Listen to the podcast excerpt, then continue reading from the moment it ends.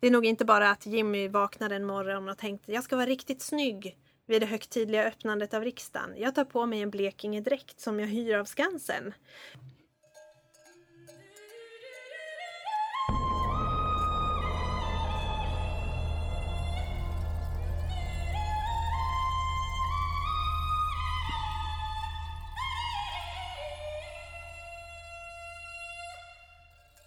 Välkommen till Folkdräktspodden. Vi som gör denna podd heter Anna. Och Kim. Vi kände att vi måste börja från början och ta nationalismen vid hornen. Alltså pratar vi idag om nationalromantiken, Sverigedräkten, koltar och en svensk hamburgerkedja.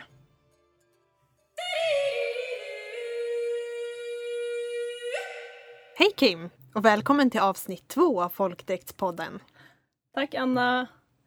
I dagens avsnitt så har vi valt ett ganska brett tema. Vill du berätta lite om varför vi har valt det här temat?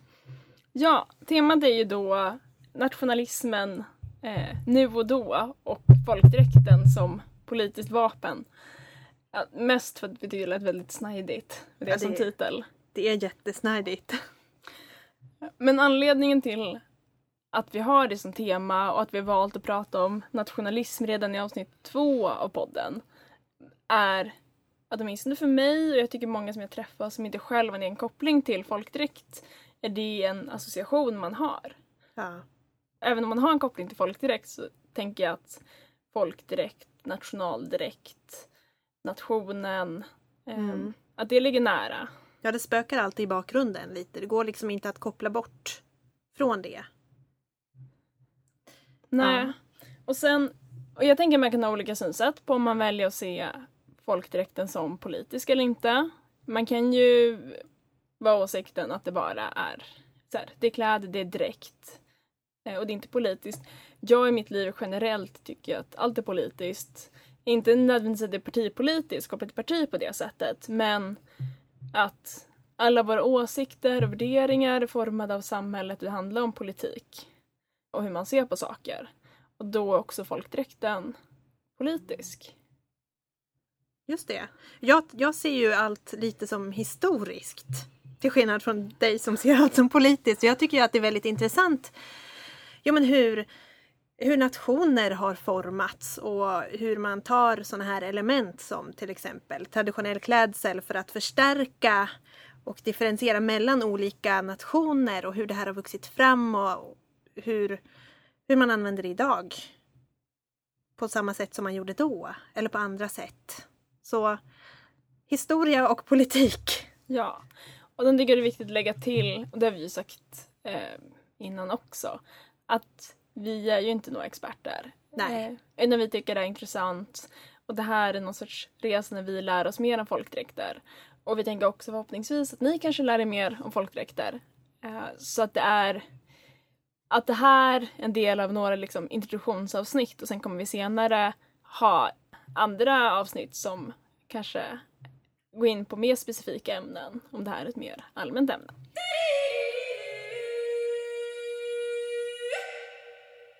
Vad är nationalism då? Ja, man kan ju säga att nationalism är sprunget ur upplysningstiden. Jo men alltså då, då formulerades mycket av det vi idag liksom ser som nationalism. Och som senare liksom blev till nationalstater och grund till konflikter och, och välden som upplöses. Men man kan säga så här att, att nationalism kan grundas eller delas upp i två olika principer. Dels blodets rätt som handlar då om att ja, men en nation den ska bestå av kulturell enhet med långa historiska processer och släktskap. Men så finns det också de som tycker att jordens rätt, eller den territoriella rätten, eh, är grunden till nationalism. Alltså att en nation är ett territorium där alla invånare oavsett etnicitet utgör grunden för nationen. Alltså liksom att det är mer grundat på medborgarskap. Alltså en upplysningstanke mer än den kulturella. Jag ser att du himlar lite med ögonen men jag kommer till liksom en... Ja, nej men det var intressant. Eller det låter rimligt det du säger och jag känner att jag har väl lite koll på nationalismen men jag har inte tänkt på den här kopplingen till upplysningen. Nej, för det är ju då man börjar formulera mer på ett filosofiskt plan. Vad är egentligen en nation? Vem, vem är den nationella individen? Vilka är det nationella kollektivet? Vem har rätt till nationen? Hur ska nationen utformas? Och innan har det ju mest bara varit så här att ja men störst är bäst. Nu erövrar vi den här delen och det spelar ingen roll vad det är för land jag tar och lägger under mitt välde. Men under upplysningen så börjar man reflektera mer över nationen, landet som en slags enhet och vad det innebär. Det här växer ju fram då. Man håller på och formar nationer, upplöser nationer och under 1800-talet ehm, eller jag ska också säga att många nationer pendlar mellan de här två synsätten. Det brukar man göra. Eh, liksom, går det bra för landet då kanske man har den här medborgarrättsliga synen på det. Men om det går dåligt eller man på något sätt kanske hamnar i krig med någon, då blir det lättare att man för att skapa ett vi och dem tar till den här blodets rätt. Att nationstanken är något, nationaliteten är något djupare än bara var man befinner sig. Eh, men på 1800-talet så genomgår samhället många förändringar. Vi har industrialisering. Vi har att välden går under. Och man kan säga att till exempel unionen med Norge som vi har haft i Sverige, som var väl ett ganska misslyckat projekt. Ja. Eller jag, vet, jag tycker det är intressant det med unionen och sen norskarna kallar dem det union. Men Ja, Ja. Nej, men precis. Det är ju den här, vad, vad säger det om na- nationen? Att vi bara så här, nej men nu, nu ska vi vara tillsammans med Norge. Utan att norrmännen kanske riktigt är med på det. Det är problematiskt med nationstanken. Men sociala omvälvningar. Eh, samhället förändras på många sätt, både i Sverige och i Europa. Och man får en slags romantisk bild av nationen som växer fram mer och mer som en konsekvens av de här samhällsomvälvningarna. Att Många flyttar till städer för att arbeta i industrin. Ehm, vi får en förändring av social mobilitet, att man kan byta klass plötsligt. Borgerligheten växer fram. Vi är inte alls fast i de här adel, präster, borgare och bönder, alltså ståndssamhället är borta. Och det här gör ju att man blir lite orolig. Det är mycket som är nytt och då går man tillbaka till det gamla. mm. och det är ju ja, rimligt. Ja. Då, Eller ja, rimligt. Men ja, jag kan förstå den det är logiskt. processen. Ja, precis. Och då växer den här romantiska nationali- nationalismen fram som kontrast då till allt det jobbiga nya. Man går tillbaka, man ser på folklår, bröderna Grimm samlar in en massa sagor. Kalevala i Finland eh, tecknas ner av Elias Lönnroth i mitten av 1800-talet. Man vill tillbaka till naturen.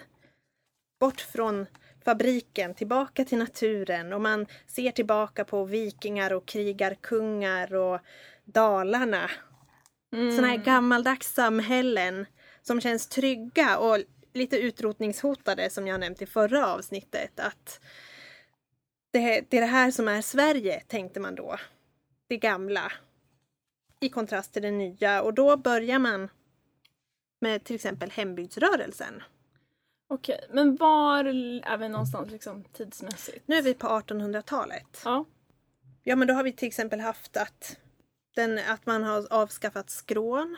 Man får jobba med vad man vill. Vi har infört folkskola. Alla har rätt till utbildning. Så det händer ju mycket i samhället. Då går man tillbaka till det gamla och försöker pinpointa vad är det som är kännetecknande för Sverige. Vad är det som är kännetecknande för lokalsamhällena?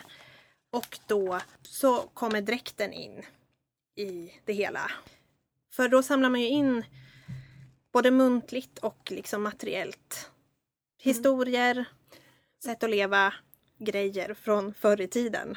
Men när du säger att man går tillbaka, vem, vem är det som går tillbaka? Det är de här som då till stor del är del av den här förändringen. Alltså det är ju borgarna egentligen. Borgarna och eh, de högre klasserna som, som ser det här lite uppifrån. Som egentligen har varit ganska avlägsna från den kulturen de nu vill bevara. Så det är akademiker som ringer i klockan och säger vänta lite, nu måste vi se här så att vi har kvar det här gamla på något sätt eftersom bönderna flyttar in till staden för att tjäna pengar. Och de vill ju lämna det bakom sig. De har ju inget att tjäna på att nej men nu ska jag leva kvar i den här allmogekulturen hemma på torpet när jag kan resa till Amerika eller jobba inom industrin och tjäna pengar. Mm. Så det är ju ett borgerligt projekt egentligen, det här med hembygdsrörelsen och nationalromantiken i stort egentligen. Ehm, till exempel då den här snubben Artur Hazelius som grundar Skansen. Han åkte runt på en insamlingsresa på 1870-talet och samlade in just föremål och folkminnen för att konservera det gamla. Och han grundade Skansen 1891 för att bevara miljöer och traditioner genom ja, men till exempel midsommarfiranden eller Skåne, Skånegårdar och sånt där som man tyckte att var värt att bevara. Mm. Det tänker jag, eller sen parallellt till det som att jag sommar, eller mitt sommarjobb, eller jag är med i en förening som driver ett café på Gammelgården i Rättvik. Och det är ju, tänker jag, samma sorts grej att så här, alla gammelgårdar eh, att det är också en variant av Skansen. För den är ju, Precis. den är ju lokal, nu ska jag se så jag har min fakta rätt, eller det har jag ju inte. men, eh, men det är ju liksom insamlade eh, fäbodar och hus som skulle kunna höra till en gård från trakten kring Rättvik. Exakt. Ehm, Jag vet inte om det är Rättviks socken eller om det fanns fler hembygdsgårdar, eller det som är Rättviks kommun, om det fanns fler hembygdsgårdar. Så att det var liksom ytterligare mindre, men liksom de byarna. Så att den gården är ett hopplock från olika ställen. Så den har inte Precis. varit en gård från början. Nej, det är det som är poängen med de här hembygdsgårdarna och gammelgårdar. Att man, man plockar det som är fint, det som är välbevarat, det som är liksom kan stå som ett bra exempel för bygden. Och då blir det ju lite mischmasch. Det, det blir ju inte en autentisk gård med allt vad det innebär utan det blir ju verkligen lite si och så med autenticiteten. Mm.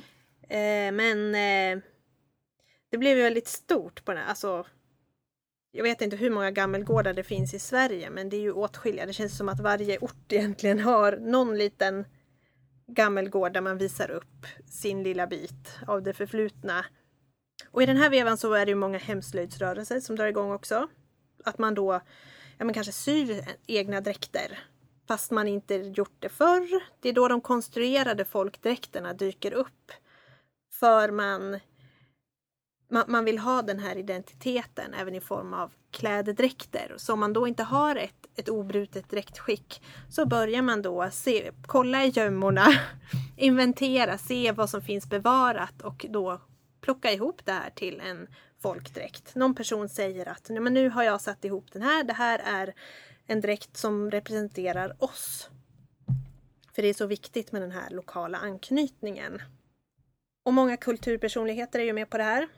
Carl Larsson kör ju på den här, eller ja, kanske främst hans fru Karin Larsson som ger den här bilden av ett, ett gott hem med enkla inslag, och klassisk arkitektur och, och inredning för just Sundborn och Dalarna.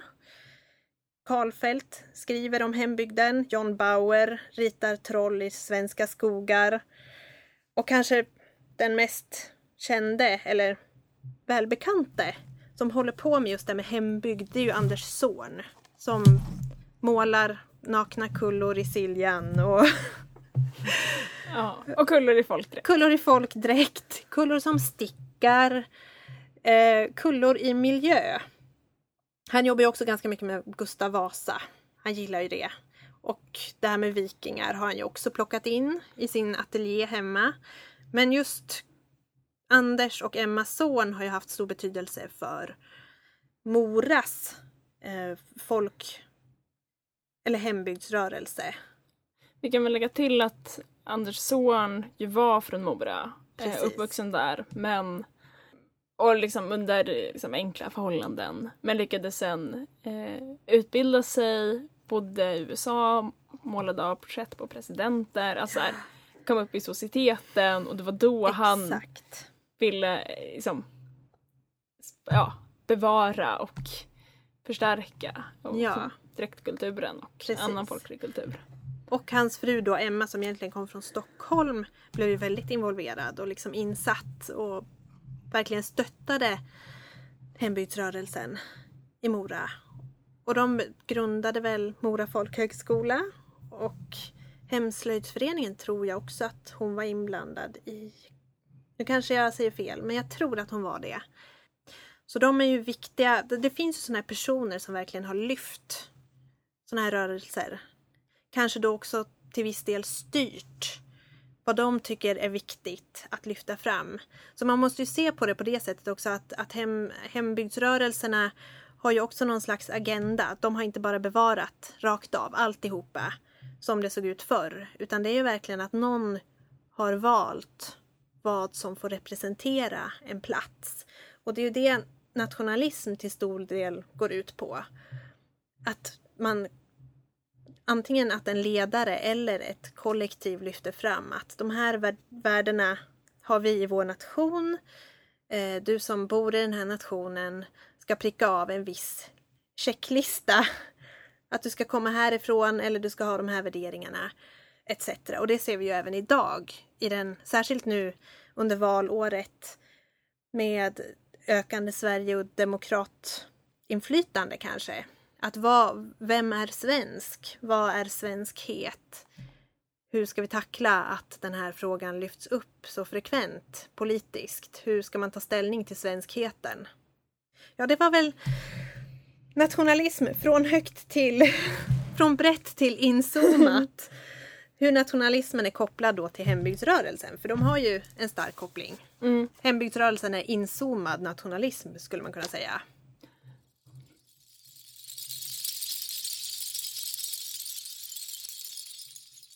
Men för jag tycker någonting som är intressant också kopplat till hembygdsrörelsen och dräktskicket är också Sverigedräkten. Ja, just det. Den, oj, oj, oj, det är mycket delade meningar kring den här. Ja, och där, alltså det är ju med den här blågula eh, dräkten som man ser ibland. Och det var, eller jag, jag googlade lite kring Sverigedräkten för jag, jag måste ha lite mer fakta om det här. Och delvis så heter den ju faktiskt inte Sverigedräkten utan dess officiella namn är Svenska kvinnliga nationaldräktsföreningens festdräkt.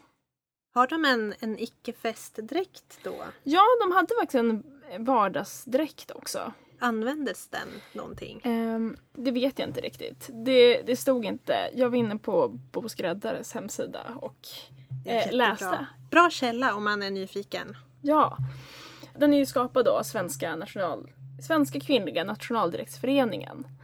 Ehm, och de grundades 1902 av en Märta Jörgensen i Falun. Så där har vi också Dala-kopplingen. Just det. Eh, och det här är så fantastiskt citat, för det här andra, jag tror det är från föreningens stadgar. Med mål att utgöra en opposition mot det utländska modetyranniet och ett medel till att få allmogedräkterna allmännare i bruk. Och det man menar med modetyranniet är alltså franskt mode. Eh, och där så uppmanas också medlemmarna att bära folkdräkt till vardags. Okej, men när var vi nu rent tidsmässigt? Var det 1900, 1902. 1902? Ja, men det stämmer ju bra in med, med det här med konstruerade dräkter. Det var ju stort då. Ja men verkligen. Eh, och det är också en del av argumentet till att det borde finnas en svensk nationaldräkt som är för alla är för att det inte ska vara eh, att man konstruerar dräkter eller att man bär dräkter från andra områden än det man själv kommer ifrån och bär dem på fel sätt för man inte riktigt har koll. Det är ju väldigt intressant. Ja, Att det då skulle vara bättre med en, en konstruerad dräkt som alla har. Ja, men då bär man den inte fel. För det är tydligt att så här, den ska bäras på det här viset. Till skillnad mot, eh, nej men jag vet inte, en eh, Stockholmskvinna som bär en Leksandsdräkt och inte riktigt har koll på hur den ska bäras och bär den fel. Och det vill man ju komma ifrån. Okej. Ehm, och det var, och, det var också... De här eh, dräkterna är komponer... Eller så här, när de ska komponera den här dräkten så Eh, Gustav Anka-Krona var inblandad, på inrådan av Carl Larsson och Sanders son var inblandad. Så vi kommer tillbaka till de gubbsen. Det är samma gubbs hela tiden. Men verkligen, och då skapar de den här dräkten som är liksom i jugendstil. Och det tänker jag när man tittar på den, alltså den här bältesspännet liksom så två, två runda plattor liksom sitter Ja. bredvid varandra. Och det, eh, utan att ha koll på vikingakläder, det känns ju väldigt såhär vikingarejält. Jag tänker på de här eh, bu- bucklorna tänkte jag säga. Jag De här hängsel... Hängselbucklor. Hängselbucklor, heter det bucklor? För jag tänker bara på såna här pokaler man vinner när man vinner så här regionala ishockeyturneringen. Men jo men precis, för de är ju runda. ja. Om jag, har, om jag minns rätt. Så det är ju säkert att man har plockat det då från vad man har hittat ja. och inkorporerat det. Jaha, Ja. vad spännande. Ja, men så är det. Och att den...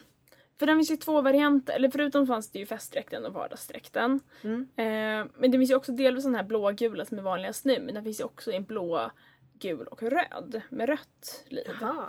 Och det här hittar inte jag riktigt. Det fanns en vision om att det skulle bäras av alla kvinnor i unionen Sverige-Norge. Och som jag fattat idag så refereras den som rött som det är unionsdräkten. Men som jag fattar det nu när jag läste på så verkar det inte riktigt som att det är en uppdelning utan mer att det var två färgställningar. För det borde ju, jag tänker på den här unionsflaggan som var när vi var i union. Då hade man ju liksom inflikat en liten, en liten Norgebit med sitt röda. Så det känns ju som ändå att det borde vara unionsvarianten. Mm. Eller så är det bara vad man tyckte var snyggt. Ja. Men jag tänker också, eller för kopplat till det här med att det var borgarklassen som drev eh, nationalromantiken, att så var det också i den svenska kvinnliga nationaldräktsföreningen. Och för en av grejerna som de kritiserar det är också här, hur arbetarklasskvinnorna eh, klädde upp sig på söndagarna i liksom utländskt mode eller så franskt mode, liksom det som var modernt helt enkelt. Ehm, och att föreningen då driver att det de kallar för den bildande tongivande kvinnan ska bära dräkt och även till vardags också ska eh, det de kallar då lägre avlönade medsystrar som ska följa. Eh, gud, det låter ju helt befängt nu så här i efterhand.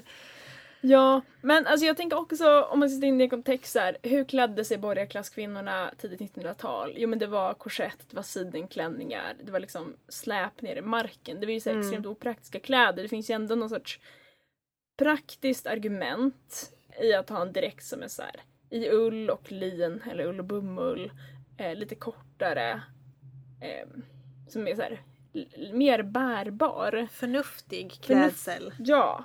ehm, men då plus hela nationalromantiska idén om att Sverigedräkten. Och tydligen, så den här Märta Jörgensen, så tvingade hon sina döttrar då att bära vardagsdräkten i skolan upp till de var ganska stora. Nej, vad hemskt.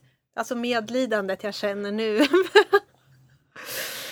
Åh, när Ja. alla andra kommer i sina fräsiga Pariskläder. Eller i Mm. alla fall moderna kläder. Ja. I alla fall, alltså den här dräkten, sen när andra världskriget kom och så liksom glömdes det här av. Ehm, Mm. Så den liksom försvann och kom tillbaka egentligen på tapeten på 70-talet först. Men det stämmer ju också överens med hembygdsrörelsen för det var ju väldigt mycket, det fick ett uppsving på 70-talet.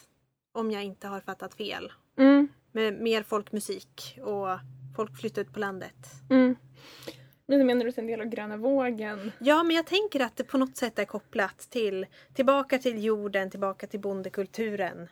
Ja, alltså det känns som det är så... För det kanske inte är så olika eh, människor som är gröna vågare och gillar folkmusik. I och för sig, nu när jag säger det här. Nej, jag tänker att det, det hör ihop. På något sätt. Mm.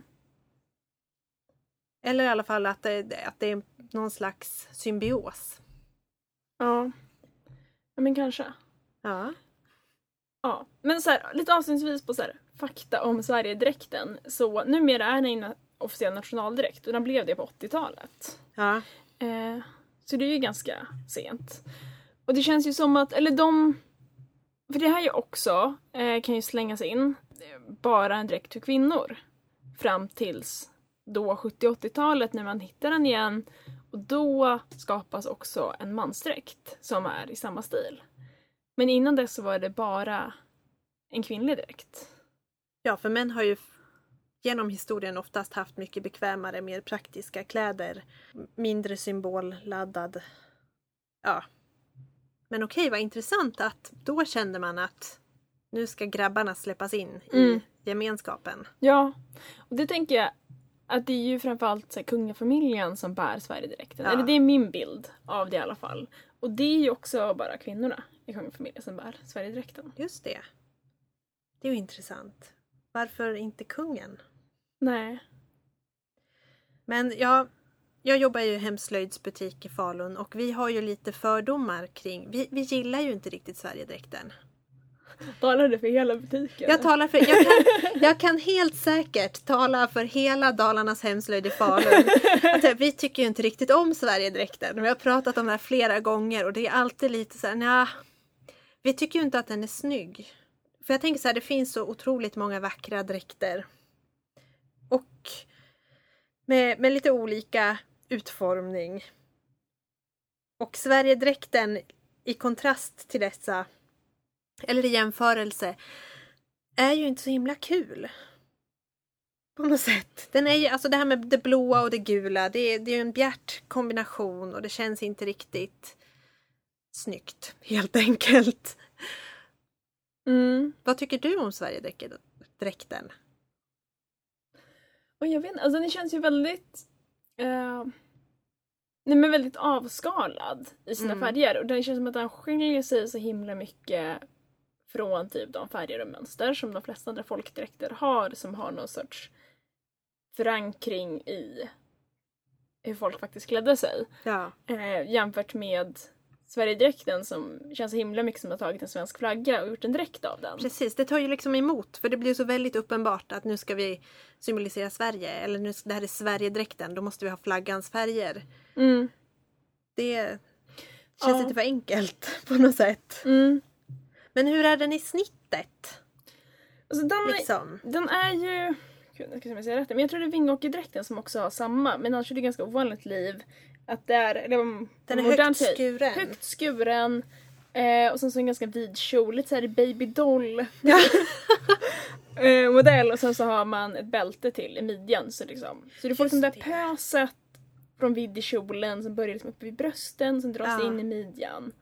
Och så har du liksom brodi, broderi av prästkragar. Just på. För det har jag tänkt på att den är ju den är väldigt olik de flesta svenska dräkter i snittet. Mm. För jag tänker om man skulle, verkligen skulle vilja skapa en, en Sverigedräkt som på något sätt speglar alla dräkter i Sverige så skulle man ju inte välja det snittet. Eftersom det vanliga är ju ja, men kjol, liv, skjorta och att det är ganska normalt skuret. Nej men att midjan sitter i midjan Mm. till exempel.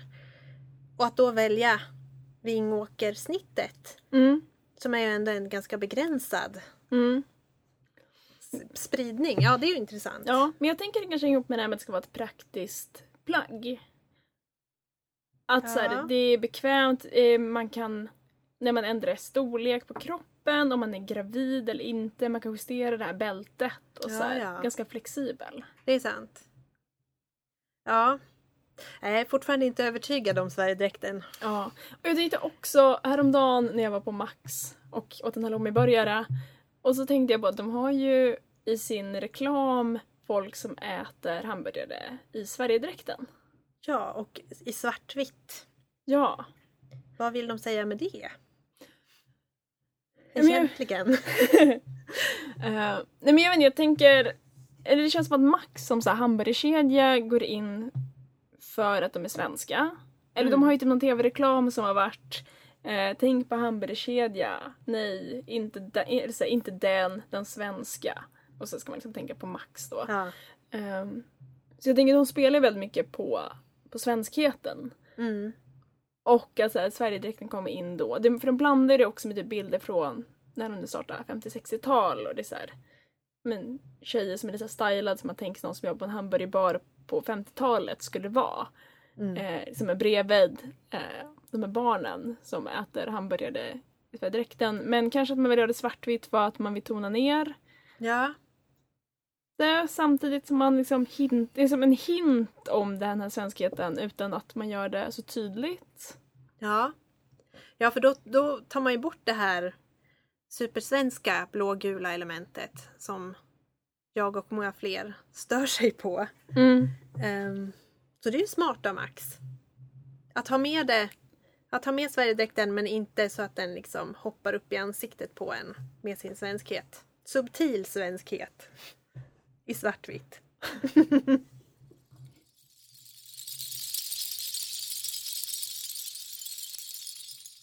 men ja, apropå det här med Sverigedräkten.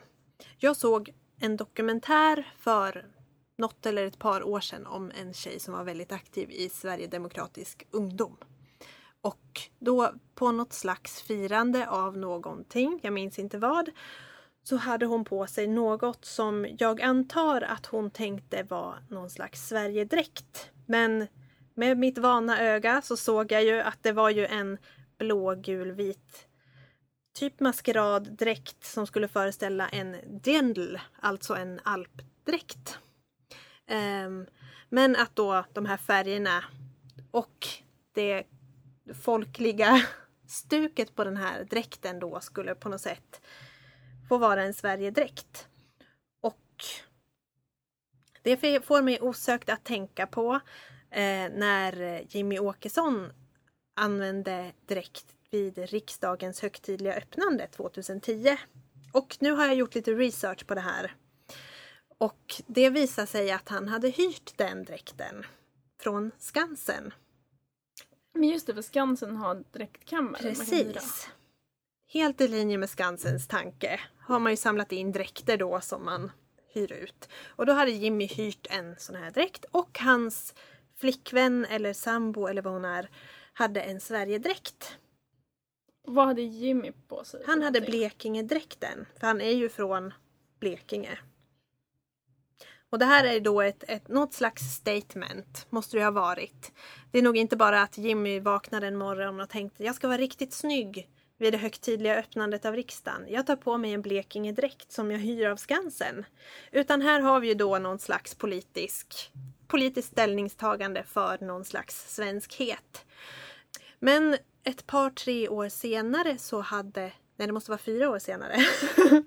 Ganska exakt fyra år kanske. Ganska exakt fyra år senare så hade flera andra politiker också folkdräkt på sig. Då kan man ju se det här som en, en reaktion på det här med att Jimmy försöker ta dräkten och göra till ett politiskt verktyg i sin politik.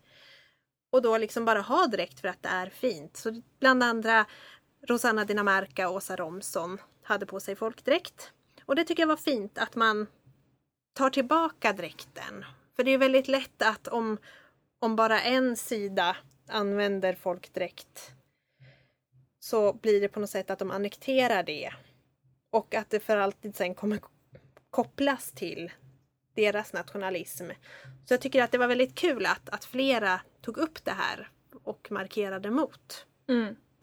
Och jag, jag minns det som då 2010 att det var ju ganska mycket skriverier om det. Det var väldigt många ja. som var väldigt provocerade. Verkligen.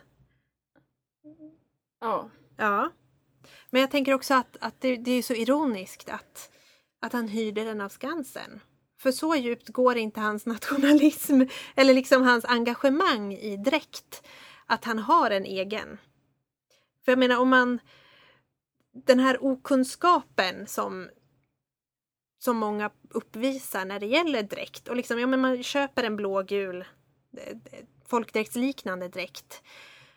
Att på något sätt att det blir väldigt ytligt. Mm. Att man, man hänvisar till, till en historik som man inte kan något om. Mm. Och det säger ju en del om kanske deras politik. Om man ska vara lite politisk. Att vänta, har ni reflekterat egentligen över vad det är ni säger ja. och utför? Och jag tänker, är det just om man pratar kring folklig kultur hur jag verkligen tycker att det är motsatsen till något som är nationellt. Exakt. Alltså det är ju verkligen, eller så här, den folkliga kulturen, både dräktkulturen men också annan typ av slöjd och hantverk eh, är ju väldigt lokalt förankrad. Och det finns en väldigt stor spridning mellan olika platser och de bryr sig väldigt lite om landsgränser. Att det är väldigt mycket efterhandskonstruktion Ja. av nationalismen. Eh, Att så här, alla folkdräkter som finns i Sverige, att det är svenska folkdräkter. Precis. Det kan man väl säga egentligen om alla kulturella uttryck. Att de bryr sig inte om nationsgränser överhuvudtaget. Det är alltid närmare till, till grannen på norska sidan än ja, men, någon som bor i Skåne om man bor i Jämtland. Mm. Liksom, det, är, det är ju det som är kruxet med nationalism, att man försöker dra gränser där det inte finns gränser. Ja, jag tänker också bilden av att det som är gammalt, att det också fanns isolerat på något sätt. Eller jag vet inte, typ som många daladräkterna som har blommiga sjalar från Ryssland som är tryckta. Och så Ja. här, de importerade, importerade tyger finns ju väldigt mycket. Och hur det ofta sågs som det finaste för det är exklusivt. Precis. Och att man hade mycket internationell handel överhuvudtaget. Man tänker sig att, att förr i tiden kunde man inte ta sig någonstans. Men det var ju otroligt mycket internationella kontakter man haft jämt egentligen. Från, från att man vandrade upp till Norden så har man ju ändå haft kontakt med resten av Europa. Det är inte så att man bara kan röra sig åt ett håll. Och utanför Europa. Ja, precis. Jag tänker om man ska hålla sig inom den här folkliga kulturen, hårkullorna från Vomhus tog sig bort i Ryssland, de tog sig till England, ner i Europa. Och det, det var ju helt fantastiskt vilka intryck de tog med sig och kunde inkorporera i, i den egna kulturen. Så där har de fått det om bakfoten, Jimmy och kompani.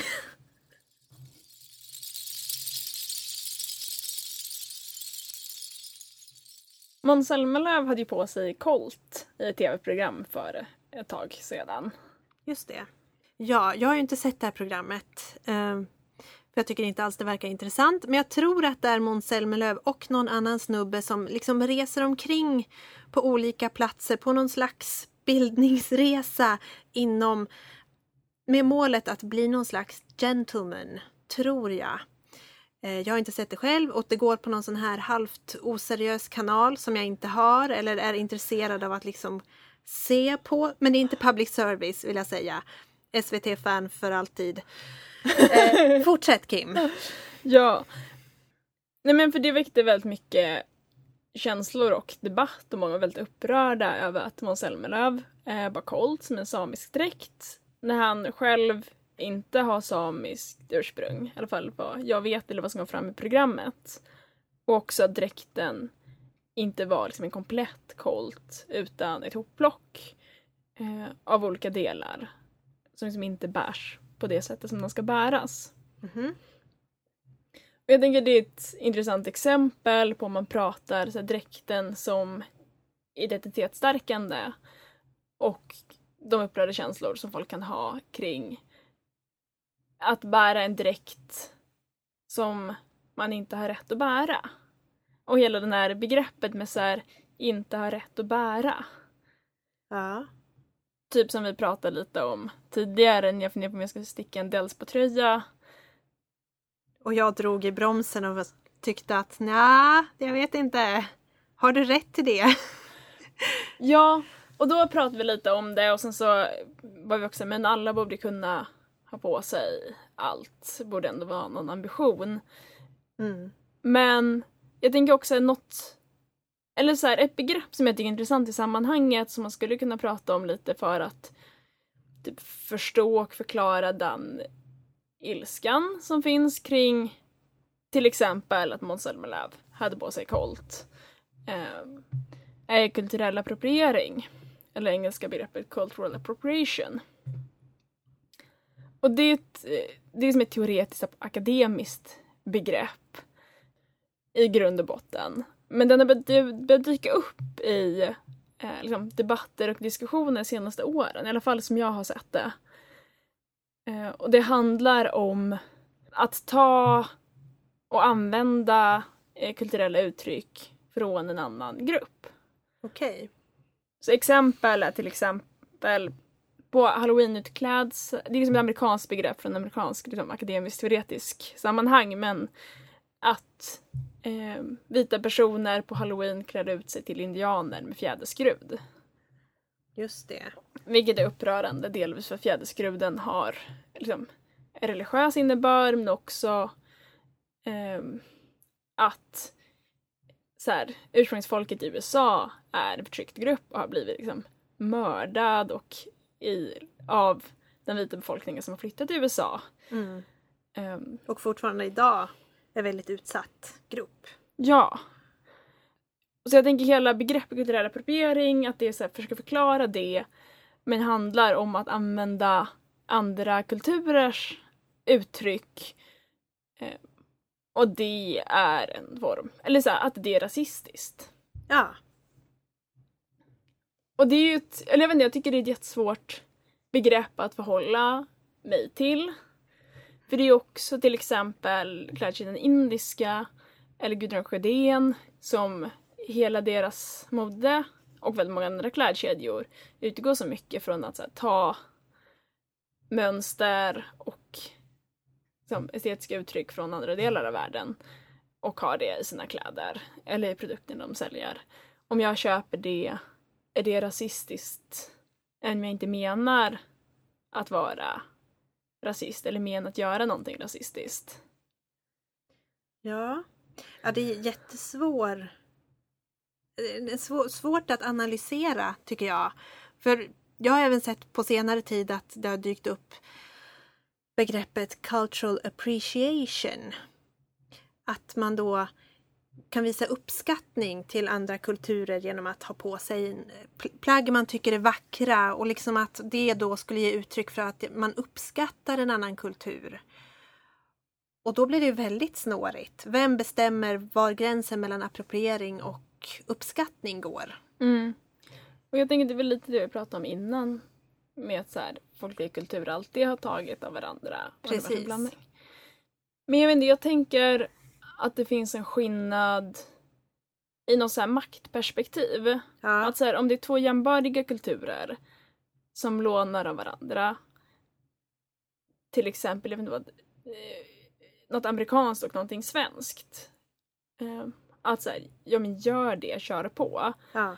Men eh, till exempel om det, om det är ett klädesplagg som personen vars kultur det kommer ifrån kan den bära det, till exempel liksom, mönster från Somalia, långa sjalar, fladdriga plagg. Kan personen vars kultur det kommer ifrån bära det i Sverige utan att möta rasism? Eller bli diskriminerad, eller liksom folk skriker saker åt den. Mm. Eller att man bara blir behandlad annorlunda. Ja. Och så här, men om den, kan om den kan göra det, det är inte något problem. Men då kan jag också ha på mig det.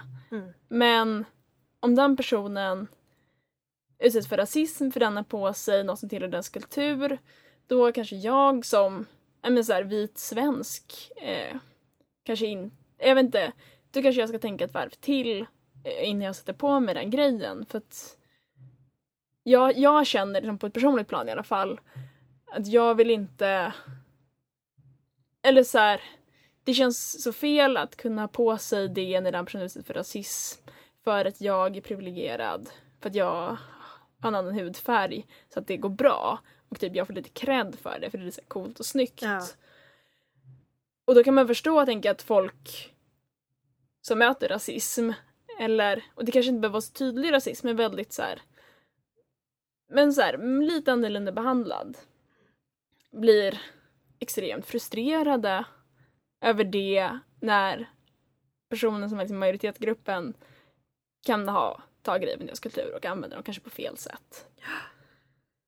Och också jag tänker det här med hur, hur det används inom modeindustrin. Jag tänker varje sommar så kommer alla kedjor med mer så kallade etniska mönster och liksom festivalstilar. Coachella i USA är ju en sån här festival. Man pratar om Coachella-stilen. Att man tar in en massa såna här Ja men till exempel fjäderskrud var det för några år sedan innan det här med kulturell appropriering blev en, en grej. Eller att man började prata om det. så var det vanligt så här att åh åh gud jag matchar mina slitna jeansshorts och mitt vita linne med en fjäderskrud eller jag tar en bindi och har i pannan för att det liksom kryddar min stil. Och att det det händer ju hela tiden.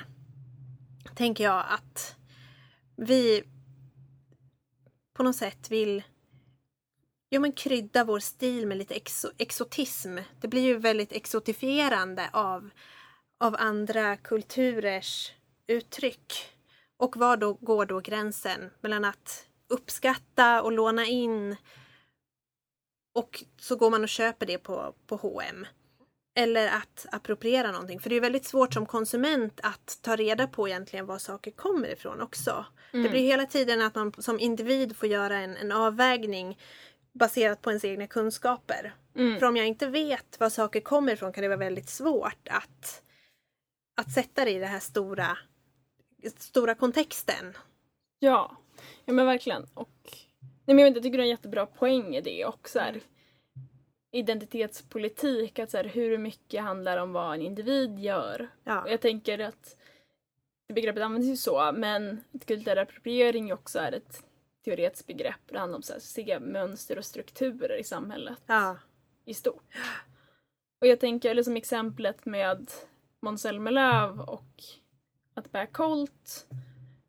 Där hänger det ju också upp med så här, samernas position i Sverige och att samerna som urfolk i Sverige har varit väldigt förtryckta. Ja. Um, också det är en form av, av kolonialisering. Eller så här, det finns, gud hur det här citatet? Um, eller um, i Norrland har vi ett Indien inom våra gränser, bara vi förstår det det. Just det, vem var det som sa det? Det var eh, rikskansler Axel Oxenstierna. Oh. Född slutet av 1500-talet. Just det, en höjdare på den mm. tiden. Ja, och jag tänker ju sen 1600-talet så har ju, för då var ju liksom Sverige centrerat kring Mälardalen. Um, men hur man så aktivt kolonialiserade Norrland. Pratade om, om nybyggare. Mm. Um, upptäcker som silver um, och andra typer av fyndigheter, startar gruvnäring. Och liksom successivt har trängt undan samer ur det som har varit deras land och tvångsrekryterat samer till att arbeta med gruvnäringen. Och sen senare så här, industrialismen och hela rasbiologin. Mm. På 1920-talet så beslutade också riksdagen att samer som inte är renskötare inte får några samiska rättigheter. Vilket till exempel är problem för exempel skogssamerna har liksom inte haft en tradition av att vara renskötare. Så att man drev en politik av att samer ska vara samer, ska bära kolt bland annat. Barnen är tvungna att bära kolt i nomadskolan. Mm. Tror jag, jag hittar liksom ingen ordentlig källa på det här, men på bilderna jag tittat på så gör de det. Och i filmen Sameblod så är det liksom en stor grej att de måste ha på sig kolt. Ja, just det. Att det blir en uppdelning av vilka som är samer, vilka som inte är samer i i koltbärandet eller liksom kläd, kläddräkten. Ja. Men att de som då inte är renskötare assimiliseras in i övriga svenska samhället. Och det är väldigt många personer idag med samiskt ursprung vars familj liksom, man inte pra fortsatt prata någon av de samiska språken, man har liksom inte en tradition av det samiska på grund av den där svenska assimileringspolitiken men, eller liksom på grund av rasism mot samer. Mm. Men att idag så är det många som bär kolt som ett statement. Att, att kolten och dräkten blir ett sätt att reclaima den samiska identiteten. Ja. Och hur dräkten då är ett uttryck för identitet. Och fortfarande så diskrimineras ju samer i ja, Sverige. Och absolut. Och att det, så här, det blir ju, om vi pratar om kulturell appropriering och det här med så jämlikt utbyte mellan kulturer. Att bära kolt som icke-same, speciellt om man bär en hittepå-kolt, är, blir, blir väldigt respektlöst. Och just när det inte är två jämbördiga kulturer utan så här, det finns ett förtryck och en maktsituation så blir det liksom, upprörande. Till skillnad då från Delsbo-tröjan. Man kan ju inte säga att, att, att det är särskilt stor skillnad i maktpositioner mellan Simrishamn och Delsbo. Så det är det som är skillnaden då. Då kan man ju säga att, att, att du vill ha en Delsbo-tröja är cultural appreciation. Och ja, men ett utbyte mellan jäm, jämbördiga Kulturer. kulturer. Precis.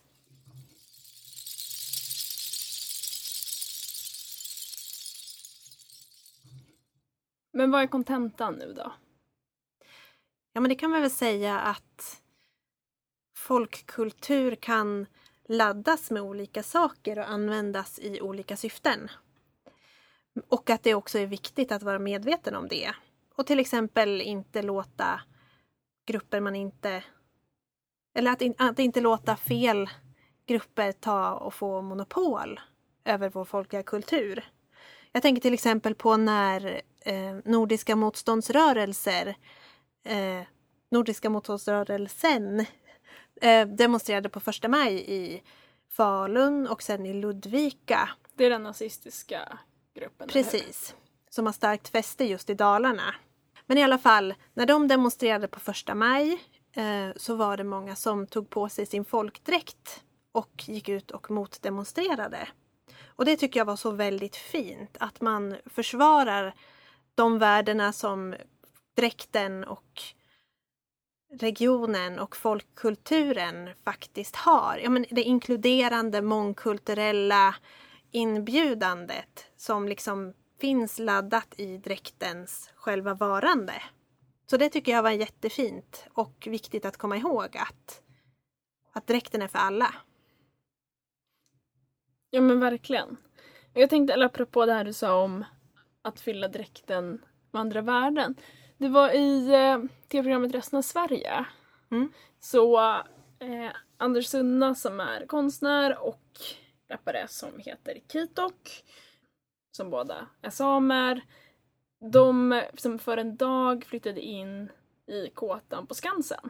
Just det, den gamla goda kåtan på Skansen. Ja, där det tydligen liksom, väldigt länge bodde en samisk familj som liksom bar kolt och agerade utställningsobjekt. Ja, Och att, eller det här med att Sunna och Kitok gjorde det är liksom så en del av deras konstnärskap och så här ifrågasättande och ett utforskande så här, men vad vad är en same? Och de var där och typ så här, turister fotade dem. Och att så här, bära då kolt. Och så här, hur, så här, vad är ramen för hur man agerar?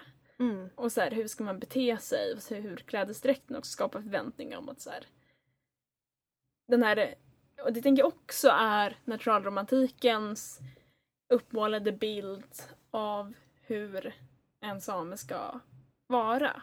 ja, Som spelar direkt. Och det tänker jag inte bara för, för samer men också är att bära folkdräkt till logotyper.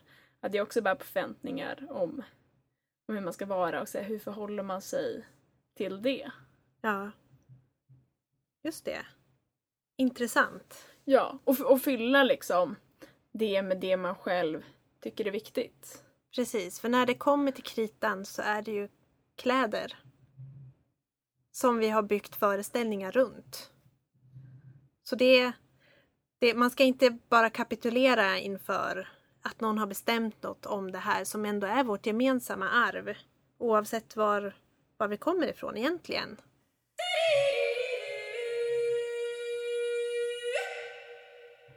Tack för att ni har lyssnat på podden. Hör gärna av er. Eh, säg vad som är bra och vad, som, vad vi kan förbättra och vad ni vill höra mer om. Ja, för vi tänker ju att nu är det ju lite introduktionsavsnitt och sen så kommer det vara avsnitt med olika teman och kanske om det är någon som lyssnar som är väldigt bra och kan mycket om något speciellt område av folkdräkter, då kanske vi ska prata med dig. Precis. Så då kan man mejla på folkdraktspodden gmail.com och den adressen finns också på vår hemsida som är eh, folkdräktspodden.blogspot.se eller .com. Jag tror ni hamnar nog rätt om ni googlar på det där. Tror jag. Men det är alltså som, som Folkrättspodden fast med ett A istället för ett Ä. Precis. Och så vill vi tacka Hanna och Simon för jingel och kulning. Ja, alltså så himla bra de är.